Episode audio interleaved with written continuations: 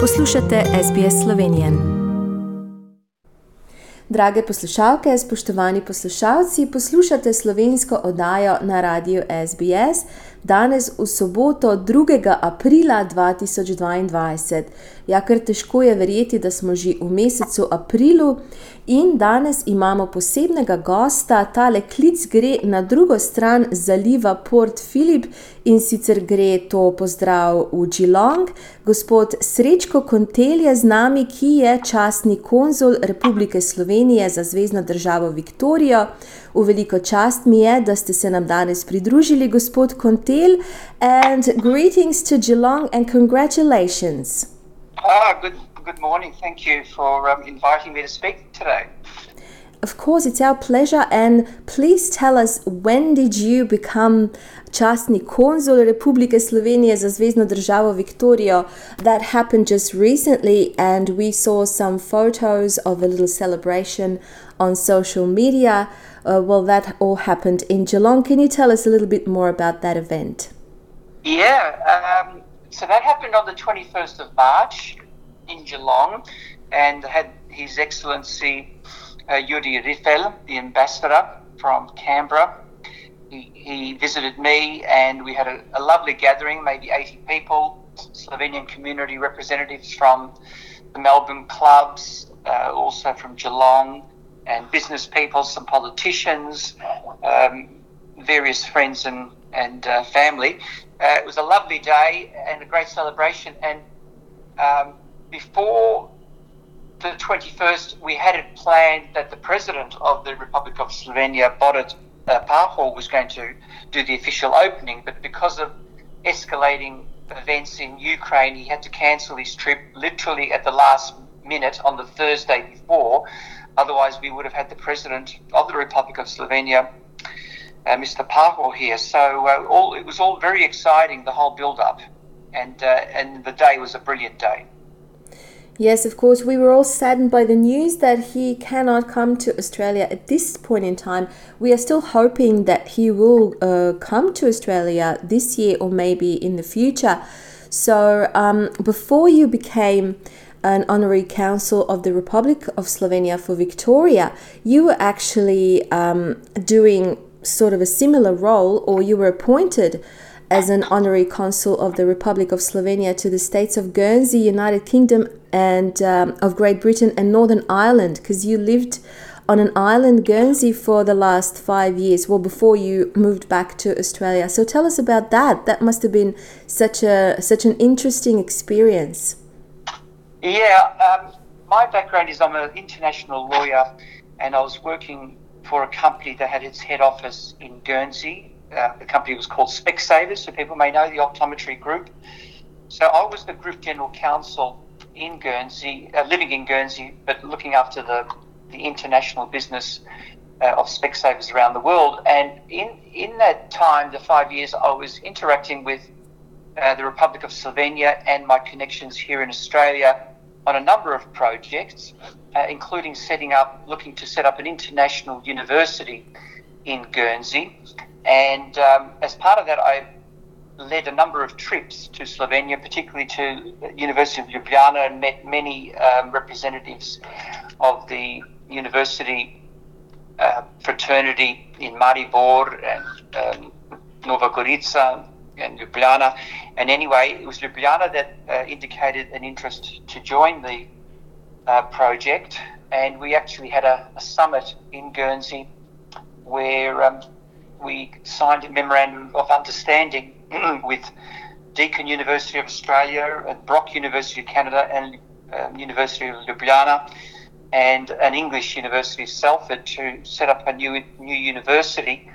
And as part of that work, I was then appointed the honorary consul for the Republic of Slovenia, as you mentioned, uh, in 2019, and was just starting to um, do work in that role in, in 2020, and then COVID um, hit, and I, I, then returned to Australia in uh, April, May of 2020, and as a result had to resign that position. So it was just um, fortuitous that when I got back here, there was a vacancy for an honorary consul position for Victoria. and I was fortunate enough to be approached to fill that role. So it's it's been an unusual sort of couple of years with everything with COVID and, and my interactions with Slovenia, but I just loved loved that time in, in Guernsey where I was able to travel to Slovenia very regularly and still have lots of family in the Postojna area where my parents both came from. So I've still got uncles, cousins, aunties, and um, many friends now living in that in that region. So it was an exciting time, and, um, and living just an hour and a half sort of flight from Slovenia was really brilliant. Yes, I was going going to uh, um, to say that that must have been very close to Slovenia. And for those uh, that don't know where actually Guernsey is, can you tell us a little bit more about the geography so that our listeners can can um, can know where it is? Yeah, um, it's 100 um, miles uh, off the coast, south of um, the UK and 50 miles off the coast of, from France. It's very close to St. Malo and the Normandy beaches. So um, Guernsey had a very interesting um, history, or has a very interesting history, particularly during the war years.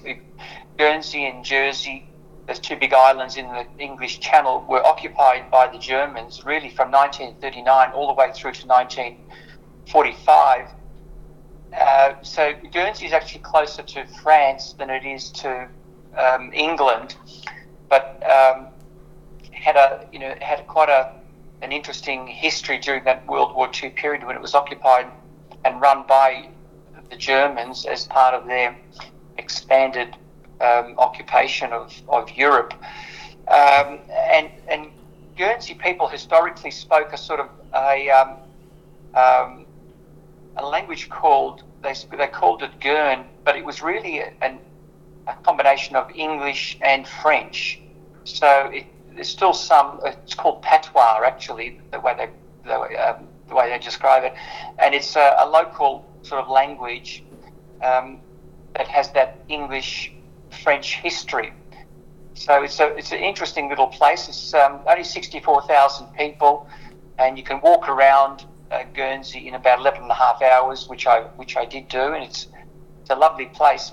And because of its small population, it, um, Slovenia and Guernsey had a lot of things in common in in that they um, were able to punch above their weight, and a lot of the projects I found that, that were successful in Slovenia were also very um, adaptable to Guernsey, such as the uh, waste recycling uh, facilities that uh, Ljubljana has.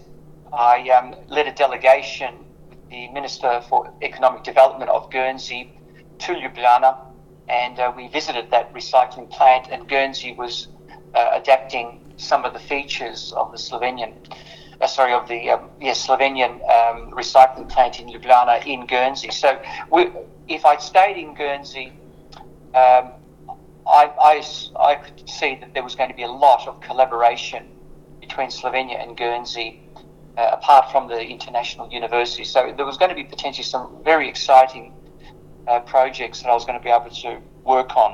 But anyway, I'll put that energy now into Victoria and, uh, Australia. yeah, that's very interesting. And uh, just out of curiosity, how is the life on on the island, or particularly Guernsey, different to the mainland? Are there any differences, or especially from such a big country um, uh, that Australia is, then moving to a little island? How was that? Was that a bit of a shock for you and your family, or did you adapt just fine?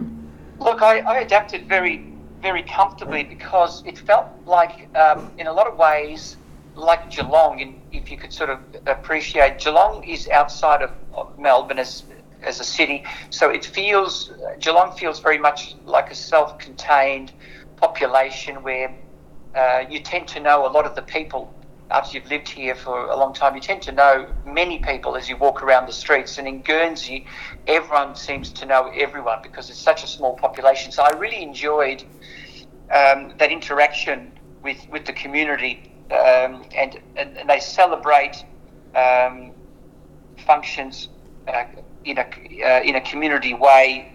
Um, quite quite frequently because because it's a smaller population.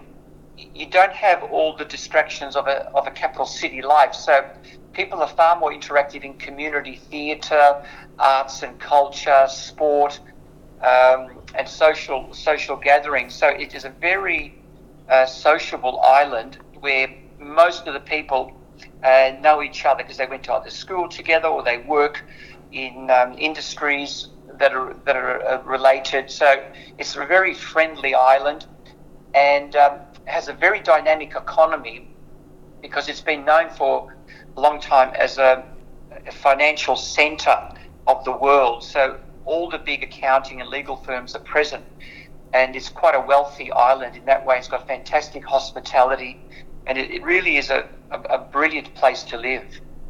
Another similarity with, with Slovenia, as you said, where everyone knows everyone. If you walk in your home village, um, especially I can relate to my village, everyone sort of knows everyone and you can uh, give directions and because you know that people haven't moved for years and years so it's very interesting and uh, let me talk about a bit more about your education. As a profession you are a lawyer and you you um, studied many other things. Where do you find the energy to, to do all these things? Where do you have the time? Yeah um, i've got uh, 12 university degrees uh, ranging from Masters of Arts into law, economics, uh, accounting, um, and, and a few other business um, administration areas. Look, I studied full time for five years at Monash and did a, Bachelor of Economics and Bachelor of Laws. And then from there, I then started work full time, but I, I continued to study part time. So all my studies uh, after that, the, the 10 university degrees, including I finished a doctorate with Deakin University in, um, in law, um, were all done part time. It was just, it was something that I just was always passionate about is learning new things. Even when I was in um, the UK, living in Guernsey, I continued to study there. And that's where I got my the Master of Arts at King's College London So it was just it's just an inquiry mind, I guess. And if you've got if you're passionate about something, it's um, it's it's never a chore, is it? So I always found it uh, a way of relaxing, just learning new things.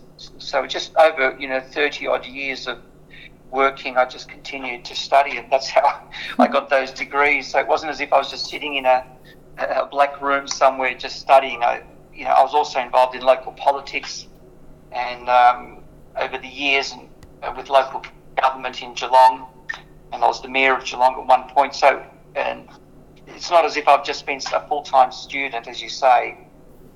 Well, the, the, first thing I'd like to do, and I, have already started, is I'd like to reconnect with all the Slovenian clubs, and, and that's started. Um, I, I've been active with the Slovenian communities from when I was very young. My parents um, were active in the Slovenian Association here in Geelong, and then my father was a president up there at one point uh, in Geelong, and um, also started the um, Hunters or Lovsko Društvo here in Geelong, and I was um, a competitive shooter. It was quite an active association, um, the Lovska uh, of the various clubs. So I was well connected uh, right up through into the 90s. And, and then I, once I got uh, elected onto the City of Greater Geelong, um, less so as I became more active in, in local government. But now that I've returned, I'd like to reconnect, and I've started that, and find out what all the challenges and opportunities are for the various clubs here in Victoria. And I'm sure there are many because things have changed a lot since um, when I was more actively involved and I'd just like to see what uh, assistance I can give the various associations. In addition to that, I'd like to be able to assist businesses from Slovenia launch into the uh, Australian market. And I'm already working with uh, some contacts um, with Slovenian business wanting to come to Australia now that uh, COVID restrictions are lifting. And, and likewise, look for opportunities where Australian businesses um, can introduce their their business into Slovenia. And again, there's some opportunities that have already identified themselves. But uh, one of the other ones is education. There's um, there are a number of active, very active Slovenian academics who are already uh, working here in Slovenia, and we've got some very good links between Deakin University and the University of Ljubljana. I'd look, I'd like to look at how we can grow that relationship and have more um, exchange programs with academics and students into Slovenia and, and vice versa back to Australia. So I think there's, there, there are so many exciting opportunities. It's just a matter of um, connecting up with all the, the relevant uh, people and associations and see how it all can grow from there. Well, I'm sure that we will talk about that in the future on our program. I'm very excited to hear uh, what what will happen in the next few months and of course years. I wish you all the best. Res najlepša hvala, gospod Srečko Kontel, da ste si danes vzeli čas in še enkrat iskrene čestitke za vašo novo vlogo kot častni konzul Republike Slovenije za Zvezdno državo Viktorijo tukaj v Avstraliji. In seveda se vidimo, se slišimo čim prej, kje sedaj, ko so se omejitve COVID-a sprostile. And again, thank you so much for this interesting chat, and I'll speak to you soon again. Yeah, thank you. Let pozdrav to all your listeners as well. Všečkaj, deli, komentiraj. Spremljaj SBS Slovenijo na Facebooku.